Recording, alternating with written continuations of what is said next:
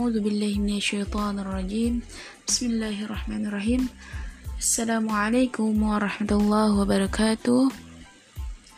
Alhamdulillahi rabbil alamin wassalatu wassalamu ala asrafil anbiya wal mursalin wa ala alihi wa ajmain amma ba'du.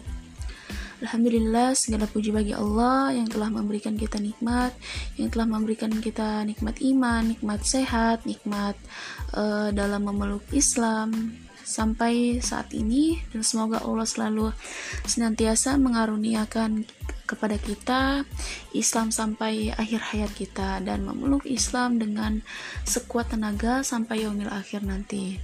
Salawat serta salam semoga tercurah kepada Nabi Muhammad Sallallahu Alaihi Wasallam kepada keluarga, kepada sahabatnya, kepada uh, semoga tercurah juga nanti kepada kita di yaumil akhir nanti. Amin amin ya rabbal alamin. Um, Alhamdulillahirrabbilalamin kita uh, dan Allah masih mempertemukan kita dalam podcast kali ini. Insya Allah untuk podcast kali ini saya akan membahas tentang uh, yang judulnya ngapain sih kita hidup?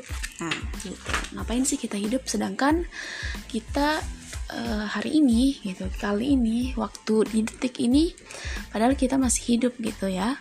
Ngapain sih kita hidup? Tapi uh, kita tuh masih bingung gitu. Hidup kita tuh ngapain sebenarnya? Allah tuh punya rencana apa sih? Nyiptain kita sedemikian rupa dari orang tua yang tadinya kita nggak tahu dan kita nggak bisa request gitu orang tua kita siapa. Nah jadi ada pesan-pesan sesuatu di balik itu gitu nah uh, pengalaman saya gitu ya waktu uh, dari pemikiran saya sebelum ini gitu ya. Sebelum sebelumnya itu pemikiran saya adalah uh, bahwa uh, dari kecil gitu ya eh pas waktu SMA deh kan mulai berpikir tuh mulai berpikir yang kadang-kadang agak-agak uh, agak-agak geser sih sebenarnya jadi saya tuh mikirnya uh, pas fase kita uh, pas kita dari dalam kandungan dari di alam rahim terus kita menjadi bayi lalu kita menjadi anak kecil lalu remaja dewasa tua dan sampai akhirnya meninggal.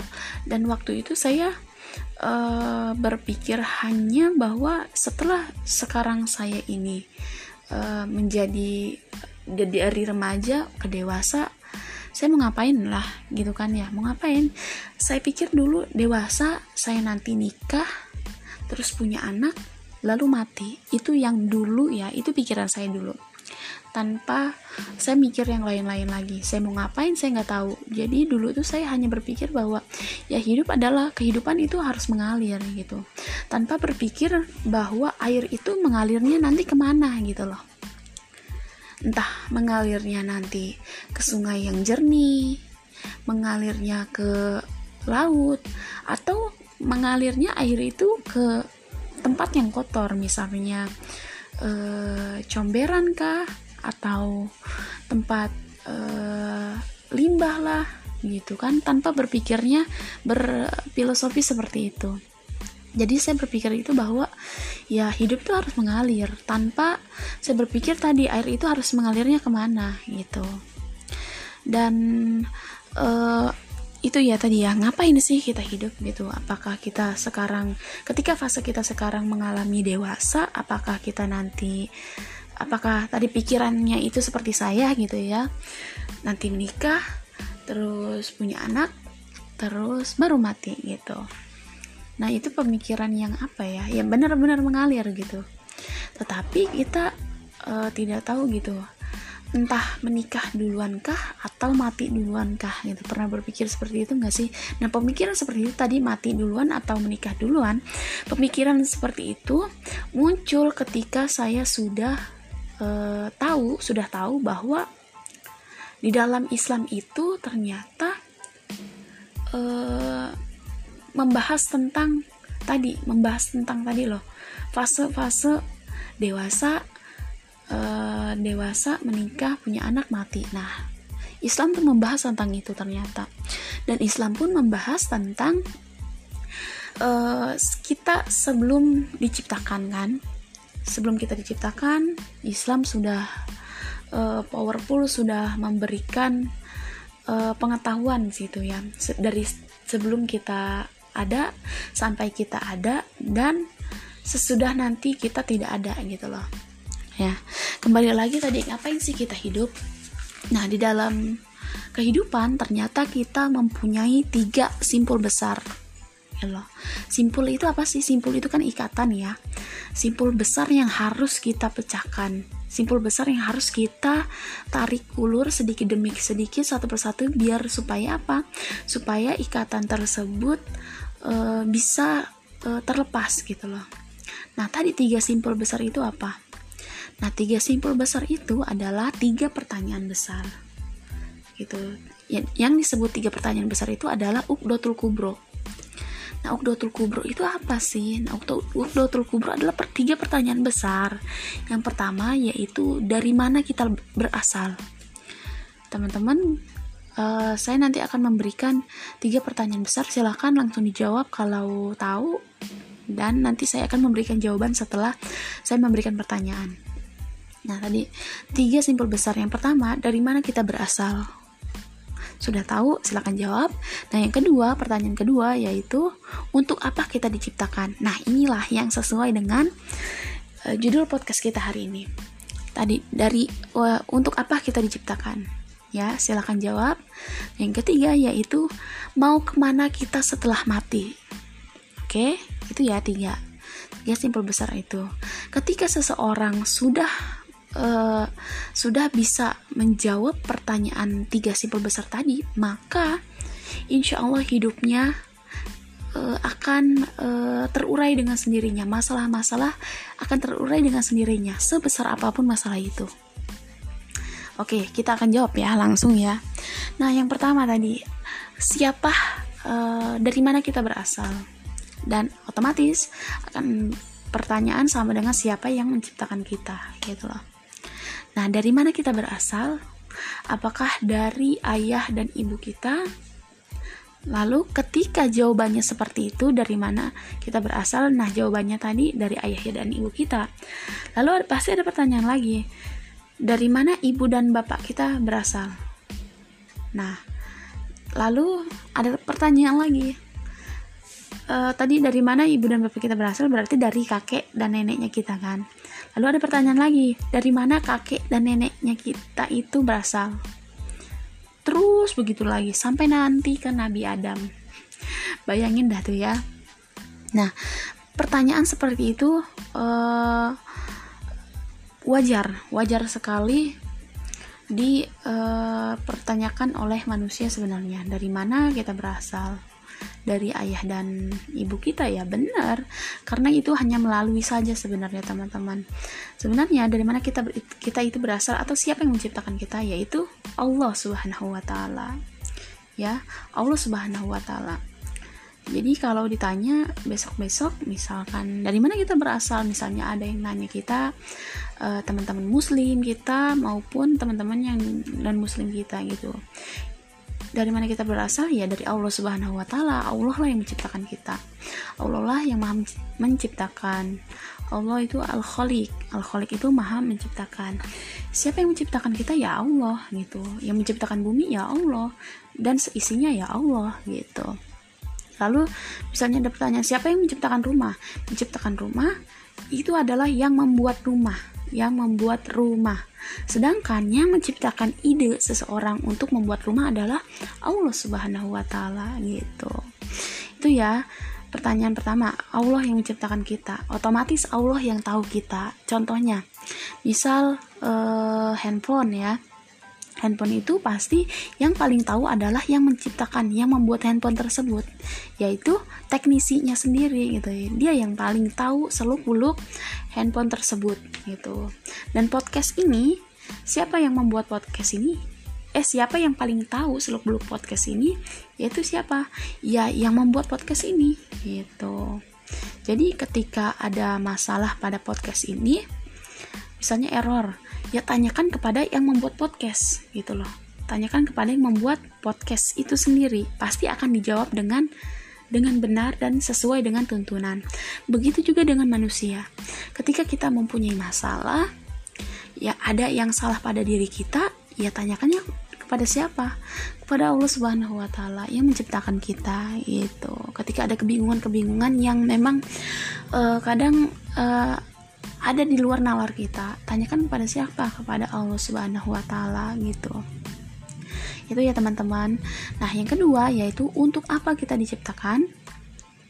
Untuk apa ngapain sih kita hidup? gitu. Apakah hanya sekedar Allah itu cuma iseng-iseng? gitu kan.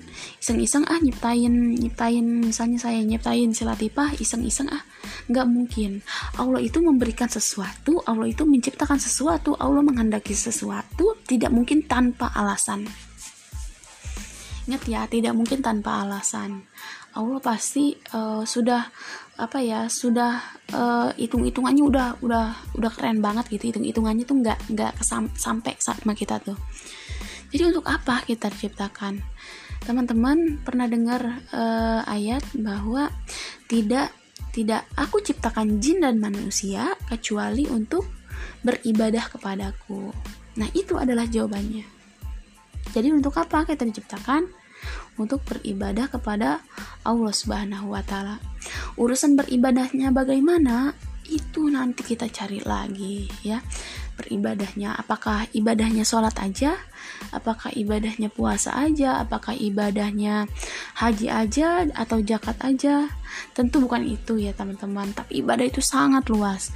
Teman-teman senyum ke, ke saudaranya itu ibadah juga. Teman-teman menolong ke temannya itu ibadah juga. Teman-teman traktir temannya itu juga termasuk ibadah. Teman-teman memberikan uh, menyebarkan ilmu itu juga ibadah. Nah saya sekarang ini uh, sedang uh, sharing kepada teman-teman semoga ini juga menjadi ibadah untuk saya sendiri. Nah itu ya.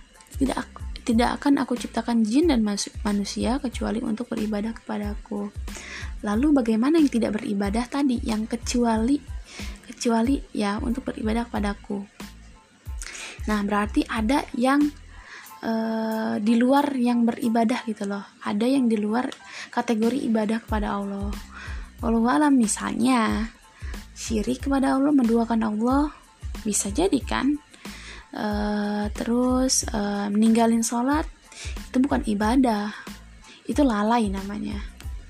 Itu ya. Jadi beribadah kepada Allah itu adalah tugas kita. Misalnya kita sekarang uh, sibuk kerja, sibuk kerja, sibuk main game, sibuk sibuk ngurus dunia. Itu bukan tugas kita. Ya, tugas kita adalah beribadah kepada Allah. Apakah harus sholat setiap saat? Tidak, sholat itu ada waktunya, ada tuntunannya gitu. Nah, untuk bagaimana kalau yang sibuk kerja setiap hari gitu? Silakan bekerja. Bekerja itu tidak dilarang kan karena untuk memenuhi kebutuhan hidup sehari-hari. Tapi ingat disandarkan kepada Allah Subhanahu wa taala. Nanti kita bahas bagaimana menyandarkan sesuatu, apa pun menyandarkan sesuatu kepada Allah. Nanti di, di the next podcast ya ya. Tadi beribadah kepada Allah. Jadi misalnya umur saya sekarang 24 tahun Nah, kita pikir tuh umur teman-teman semua sekarang berapa tahun? Misalnya ada yang 25, ada yang umur 20, ada yang umur 18 tahun. Dan kita hitung sekarang, apakah saya sudah full beribadah kepada Allah Subhanahu wa taala? Apakah e, beribadah dan bermaksiat itu banyakkan mana? Kiri dan kanan itu timbangannya kayaknya kita kita pikir-pikir banyakkan mana ya gitu ya semoga ya ibadah yang paling berat yang paling berat timbangannya gitu ketimbang maksiat ya. Semoga Allah mengampuni kita semua amin. Itu ya tadi. Untuk uh, the next question tadi yang ketiga yaitu adalah yang ketiga adalah uh, mau ke mana kita setelah mati? Mau ke mana teman-teman? Yaitu ada dua ada dua pintu di situ, mau ke surga atau ke neraka. Mau ke surga atau ke neraka? Kalau mau ke surga, berarti tadi di pertanyaan yang kedua yaitu untuk untuk apa kita diciptakan, maka penuhilah pertanyaan tersebut. Jawablah pertanyaan tersebut, yaitu untuk beribadah. Maka, ketika mau masuk surga, silakan penuhi pertanyaan yang kedua tadi, yaitu untuk ber beribadah kepada Allah Subhanahu wa Ta'ala. Ketika mau ke neraka, ya silakan, karena masing-masing diri kita akan mempertanggungjawabkan apa yang kita perbuat di dunia ini. Jadi di dunia ini adalah tempat kita beramal, gitu loh. Tempat kita beramal, tempat kita uh, apa ya, me, apa namanya, mengumpulkan bekal. Untuk apa? Untuk nanti perjalanan jauh di akhirat nanti dan muaranya adalah mau ke surga atau ke neraka gitu ya tapi semoga semua dari kita dari kita keluarga kita sahabat-sahabat kita orang kita kenal orang-orang yang kita kenal orang-orang yang kita cintai dan orang-orang beriman semoga kita dimasukkan ke dalam surga. Surga apa? Surga apa yang kita minta? Yaitu surga Firdaus. Ya itulah surga yang kita minta sama-sama. Surga yang paling tinggi nikmatnya. Surga yang paling tinggi derajatnya. Jadi uh, minta itu teman-teman kalau minta sesuatu ke Allah itu jangan nanggung-nanggung ya. Kenapa jangan nanggung-nanggung? Karena uh, gini gapailah cita-cita setinggi langit ya. Raihlah cita-citamu setinggi langit. Kenapa cita-cita itu harus yang tinggi? Karena ketika jatuh ketika jatuh ya misalnya kita ke langit nggak sampai ketika kita jatuh dari langit itu setidaknya kita itu jatuh di atas bintang-bintang ya gitu kan. Misalnya kita nggak sampai surga Firdaus ya Allah uh, semoga uh, kalau saya nggak sampai di surga Firdaus misalnya ya saya itu maunya di level bawah di surga Firdaus deh nggak apa-apa gitu. Nah itu maksudnya gitu ya. Karena kita itu sesuai dengan permintaan kita ya. Uh, kita adalah apa yang kita ulang-ulang gitu dan semoga Allah Subhanahu wa taala uh, mengabulkan doa kita. Tetapi harus disesuaikan dengan amal kita gitu loh. Amal itu adalah bukan uh, satu-satunya amal. Ingat ya teman-teman amal itu bukan satu-satunya jalan untuk menuju surga. Tapi jalan satu-satunya menuju surga adalah ridho Allah subhanahu wa taala. Ridho itu adalah tiket gitu. Allah ridho misalnya uh, di dunia kita nggak sebanyak orang-orang. Misalnya kita nggak sedermawan uh, sahabat Abdurrahman bin Auf kita nggak uh, sepin, sepintar Ali bin Abi Thalib kita nggak selembut hatinya selembut sahabat Abu Bakar ya. Kita nggak seberani membela Islam seperti sahabat uh, apa namanya uh, seperti sahabat apa namanya ya seperti pokoknya tidak se tidak wow gitu tidak seu gitu ya tidak sewaunya sahabat-sahabat gitu ya. Tapi uh, ketika Allah ridho dengan amal kita yang sedikit maka tenanglah gitu jalannya. Karena ya tiket tiket masuk surga adalah ridho Allah. Sebanyak apa pun amal kita ya Allah lah yang men, Allah lah yang menentukan itu semua gitu. Ya jadi uh, tiket tiket masuk surga adalah ridho Allah subhanahu wa taala. Tapi di dunia jangan mentang-mentang eh yang penting Allah ridho. Uh, kan kita nggak tahu Allah ridho atau enggaknya. Tapi buatlah amal sebanyak-banyaknya semampu kita gitu. Urusan Allah ridho atau enggak yang penting uh, gini uh, diterimanya amal itu ada dua. Yang pertama, niatnya karena Allah. Yang kedua, yaitu caranya, yaitu yang sudah dicontohkan oleh Nabi Muhammad. Ya, misalnya gini, kita mau memberikan sesuatu, memberikan uh, sumbangan gitu ya, memberikan sumbangan ke panti asuhan, ke yatim, pakir miskin. Misalnya kita mau ngasih beras ya beras oh, satu ton. Tapi beras tersebut hasil dari mencuri. Apakah itu benar? Niatnya benar. Niatnya yaitu ingin berbagi ingin uh, berinfak dan sebagainya. Tetapi cara yang dilakukannya tidak sesuai dengan Nabi Muhammad. Tentu apakah Allah ridho seperti itu ya wallahu alam. Karena caranya tidak sesuai dengan apa yang uh, Nabi Muhammad ajarkan. Ya jadi kembali lagi ngapain sih kita hidup? Nah sekarang kita mikir lagi uh, merewind gitu loh. Dari kemarin saya banyakkan maksiat apa banyakkan uh, banyakkan maksiat apa banyakkan pahala ya kira-kira. Sebenarnya tidak boleh sih ya nggak boleh sih ngira-ngira pahala itu pahala saya banyak atau enggak tetapi kita untuk mengevaluasi diri gitu loh teman-teman. Mengevaluasi bahwa uh, hari ini saya sudah berbuat baik belum ya? Sudah hari ini saya sudah uh, membuat Allah senang nggak ya? Saya membuat Allah senang apa membuat Allah uh, murka gitu. Ketika Allah senang gini uh, perumpamaannya gini ya kalau di kalau manusia itu ketika kita sudah senang dengan uh, orang lain maka kita akan memberikan apa pun gitu ya. Dengan orang tersebut apa pun yang dia minta akan diberikan. Nah begitu juga dengan Allah teman-teman. Allah itu uh, senang gitu melihat hambanya melakukan sesuatu itu karena dia gitu. Kan kita juga senang ya gitu ya. Misalnya uh, seseorang itu melakukan sesuatu itu karena kita gitu. Itu senangnya bukan main. Begitu juga karena Allah. Begitu juga Allah gitu. Allah tuh senang banget gitu. Allah senang kalau kita itu melakukan sesuatu dengan ikhlas karena Allah dan sebagainya. Itu masya Allah apa yang kita minta aja Allah kasih gitu. Jangankan kita minta kita nggak minta pun Allah kasih gitu.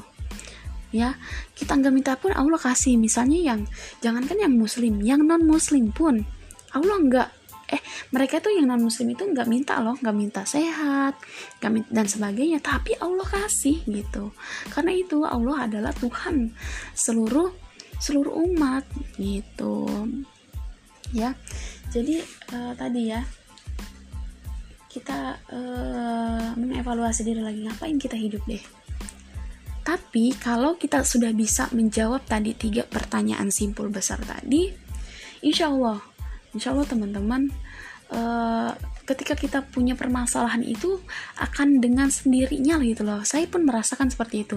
Akan dengan sendirinya, saya bisa menjawab gitu. Ketika kita ingin perubahan, kita ingin melakukan sesuatu untuk perubahan besar misalnya, misalnya uh, ada teman kita misalnya ada teman kita yang nanya ke kita bahwa uh, dia itu minta nasihat dan sebagainya. Um, dan mereka gitu ya mereka minta nasihat dan sebagainya. Dan kita pun uh, ternyata punya masalah sebenarnya. Jadi ketika kita bisa menyelesaikan uh, masalah besar masalah besar gitu ya pasti kita akan bisa menyelesaikan masalah diri kita sendiri. Begitupun kita mm, bisa menyelesaikan masalah umat, misalnya kita berdakwah, berdakwah, berdakwah gitu ya, berdakwah, e, memberikan zakat, itu artinya kan kita bisa sedikit demi sedikit menyelesaikan masalah masalah umat gitu ya. Masalah ketika masalah umat sudah terselesaikan, masalah orang-orang sekitar kita terselesaikan, maka kita pun dengan sendirinya itu dengan hukum alam ya, Allah alam gitu ya. Itu uh, bisa menyelesaikan masalah sendiri gitu loh teman-teman. Itu yang saya rasakan sebenarnya. Jadi saya mau uh, mem membagikan gitu ya teman-teman kepada teman-teman semua bahwa uh, masalah diri sendiri itu kecil sebenarnya. Masalah kita itu kecil gitu loh. Dibandingkan dengan masalah umat saat ini gitu masalah umat ini saat ini adalah tadi kehilangan uh, kehilangan identitasnya. Identitas apa sih? Tadi simpul besar itu belum terpecahkan, belum terlerai lah, ter, belum terurai gitu. Yang paling uh, besar sebenarnya tadi yang pertanyaan kedua, untuk apa kita diciptakan yaitu untuk beribadah.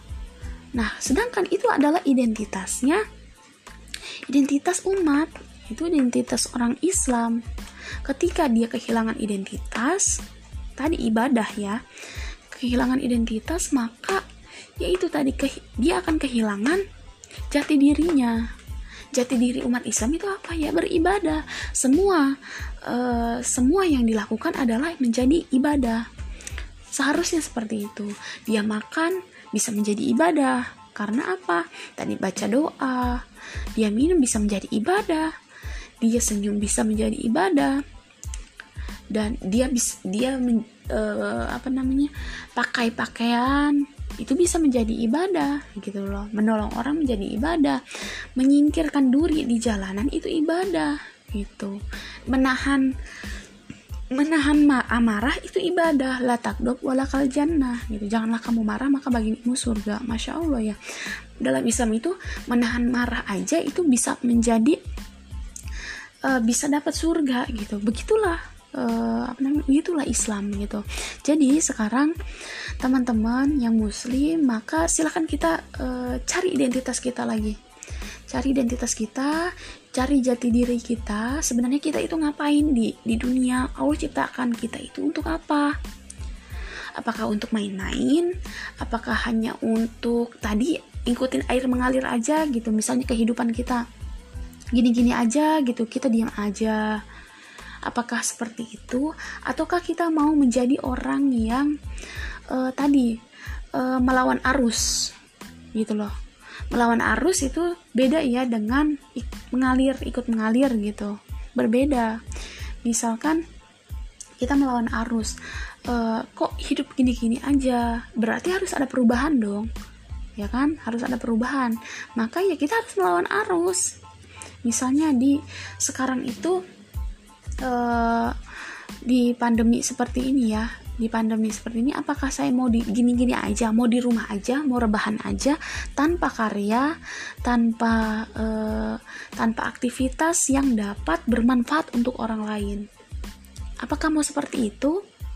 Maka ketika kita ingin perubahan maka lawanlah arus tersebut gitulah nah terciptanya uh, apa namanya terbuatnya podcast ini pun ya itu hasil pemikiran saya bahwa apakah di dalam pandemi ini saya akan seperti ini akan diam aja akan di rumah aja akan rebahan aja ataukah saya mau diam aja gitu tanpa karya tanpa uh, meng-share atau membagikan sesuatu kepada teman-teman semuanya walaupun dengan hanya cuap-cuap seperti ini ini adalah salah satu jalan saya gitu loh jadi teman-teman itu uh, apa namanya buat membuat perubahan itu tadi banyak jalan ya. Bukan hanya tadi hanya podcast saja. Tapi teman-teman semua bisa melakukan perubahan tersebut gitu.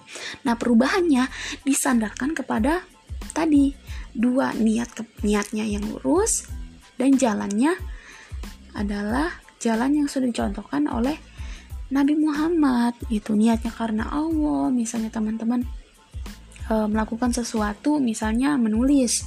Nah menulisnya ya itu niatnya karena Allah gitu. Bukan karena yang lain pengen dipuji dan sebagainya. Semoga Allah e, apa namanya menjauhkan kita dari tadi ya ujub dan sebagainya gitu. Berbangga diri. Semoga itu tidak ada di dalam hati kita. Jadi itu ya. Tadi e, pokoknya hasilkan karya teman-teman. Hasilkan uh, hasilkan sesuatu yang memiliki perubahan. Nah jadi udah udah paham belum kita ngapain sih kita hidup gitu ya? Dan satu lagi ngapain sih kita hidup gitu? Nah untuk mencarinya itu adalah satu uh, eh maaf ada beberapa gitu ya. Yang pertama kita kaji lagi Islam. Walaupun kita lahir sudah Islam, ibu bapak kita Islam, kakek nenek kita Islam, tetapi ternyata ilmu Allah itu sangat luas gitu. Ilmu Allah sangat luas. Kita tidak berhenti uh, hanya mengaji Al-Quran saja, alif batasa, alif batasa, jim haho, bukan sekadar itu saja, tapi kita harus mampu uh, memaknai gitu loh harus mampu mencari bahwa makna Islam itu apa sih? Islam itu apakah hanya sekedar agama saja? Oh ya udah agama saya Islam. Apakah sekedar identitas saja atau sebagainya? Ternyata masih banyak sekali teman-teman yang kita tidak tahu di dalam Islam itu ternyata Islam itu sebagai ekonomi, ternyata Islam itu panduan ekonomi Islam ada, ternyata pendidikan Islam itu ada, lalu politik, ternyata politik dalam Islam itu ada, teman-teman. Politik dalam Islam itu ya apa? Khilafah gitu yang sudah dicontohkan Nabi Muhammad SAW dan uh, dan yang dilanjutkan oleh para sahabat itu teman-teman politik Islam pendidikan Islam uh, lalu apalagi uh, apa namanya pendidikan Islam lalu punya banyak sekali teman-teman yang kita tidak tahu budaya budayanya apakah nanti ada pertanyaan budaya budaya Indonesia ini boleh atau tidak sih? Gitu. Nanti banyak sekali teman-teman pertanyaan-pertanyaan seperti itu. Dan itu terjawab di dalam Islam teman-teman saya saja uh, saya waktu SMA itu ya dari dari kecil sampai SMA sebelum sebelum kajian saya hanya mengetahuinya bahwa Islam itu hanya sekadar tentang agama saja ya gitu. Saya dari kecil Islam ya pasti saya eh orang tua saya Islam ya pasti saya Islam gitu.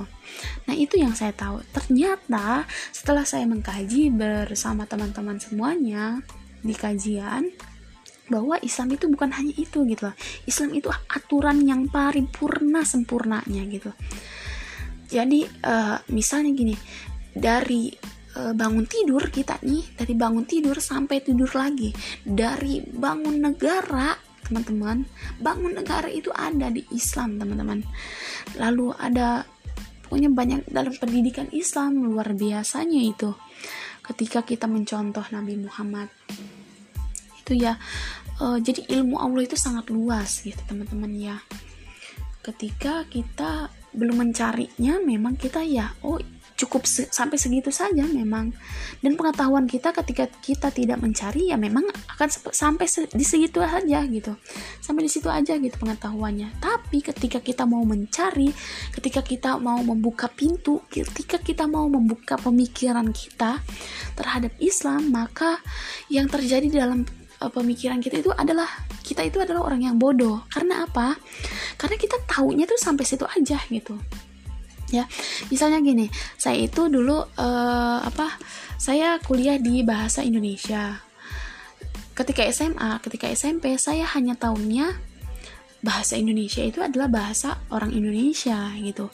Dan tahunya bahasa Indonesia itu adalah membaca dan sebagainya cuma membaca.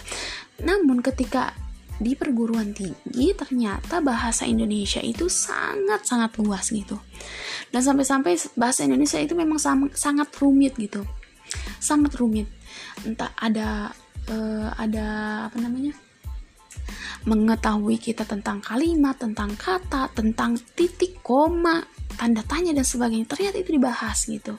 Itu hanya tentang bahasa ya. Dan begitu juga di dalam Islam, teman-teman yang kita tidak uh, kepikiran gitu ya. Masa sih ada di Islam gitu misalnya? Itu kepikiran loh teman-teman. Eh itu ada di Islam gitu teman-teman. Misalnya gini uh, ngapain sih masuk WC itu? Masuk WC itu harus pakai doa gitu kan. Allahumma ini a'udzubika minal khubusi wal khabais. Artinya ya Allah lindungilah aku dari setan laki-laki dan setan perempuan. Nah ternyata di dalam WC itu adalah sarangnya setan sarangnya jin sarangnya iblis teman-teman. Itu ya. Kenapa kita harus berdoa dulu? Nah setelah keluar kamar mandi ternyata kita harus berdoa juga teman-teman. Yaitu apa? Gufronaka ya Allah ampunilah ampunilah dosaku. Itu ternyata. Masya Allah ya luar biasanya. Ternyata di dalam Islam setelah saya mengkaji bahwa luar biasanya Islam itu apa ya? Sampai-sampai ah ini tuh nggak cukup gitu. Loh sampai sini tuh belajar tuh nggak cukup gitu ya.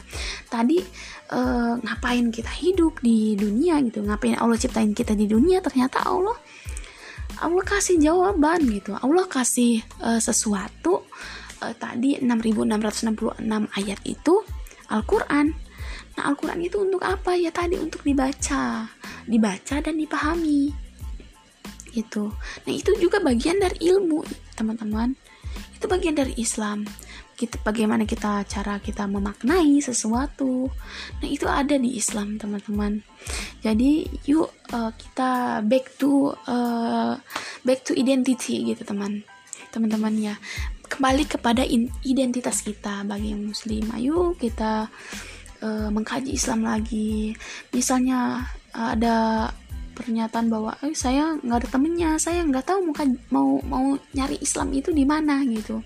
Sekarang itu banyak banget teman-teman. Banyak banget uh, apa namanya banyak banget uh, teman-teman muslimah teman-teman muslim kita yang sudah sadar bahwa meng, apa namanya merangkul itu mengajak itu merangkul itu bukan memukul artinya ya dengan hati merangkulnya gitu dan tidak akan juga dikatakan sok suci gitu, dan sebagainya. Ketika ada yang mengatakan sok suci sok alim gak apa-apa. Daripada saya sok kafir ya kan? Karena kan kita memang muslim dan muslim itu memang harusnya ya suci. Islam itu suci teman-teman. Tapi yang tidak suci apa? Manusianya kitanya itu. Jadi ketika ada ada uh, sesuatu yang uh, bilang bahwa yang menyalahkan tentang Islam bilang Islam itu suci Islam itu benar. Yang tidak benar itu saya yang tidak benar itu kita sendiri yang tidak mau mengkaji Islam dengan kafah dengan menyeluruh gitu. Makanya yuk kita kaji Islam biar tahu biar kita sama-sama sadar bahwa Islam itu adalah jawaban Islam itu adalah solusi gitu loh. Islam itu solusi dari segala masalah dan tidak akan menimbulkan masalah baru gitu ya. Teman-teman misalnya pakai jilbab dan sebagainya pakai kerudung menjauhi riba uh, tidak pacaran dan sebagainya itu ada di Islam teman-teman. Gitu. Jadi yuk kita balik ke identitas kita yaitu mengkaji Islam yaitu ke Islam semuanya. Solusi Islam ini Islam is solution is the solution teman-teman ya. Semoga uh, lewat podcast ini kita bisa uh, tersadar kembali bahwa Islam adalah jalan satu-satunya kebangkitan Islam. Islam adalah uh, jalan satu-satunya untuk uh, meraih ridha Allah Subhanahu wa taala. Amin amin ya rabbal alamin. Terima kasih teman-teman atas uh, perhatiannya dan yang sudah memberi yang sudah apa namanya uh, menyempatkan waktunya untuk untuk uh, mendengarkan dengan untuk menyimak podcast kali ini. Doakan saya semoga istiqomah dan semoga kita bisa bertemu lagi dan menyapa teman-teman lewat podcast selanjutnya. Insya Allah, terima kasih. Barakallahu fiikum. Assalamualaikum warahmatullahi wabarakatuh.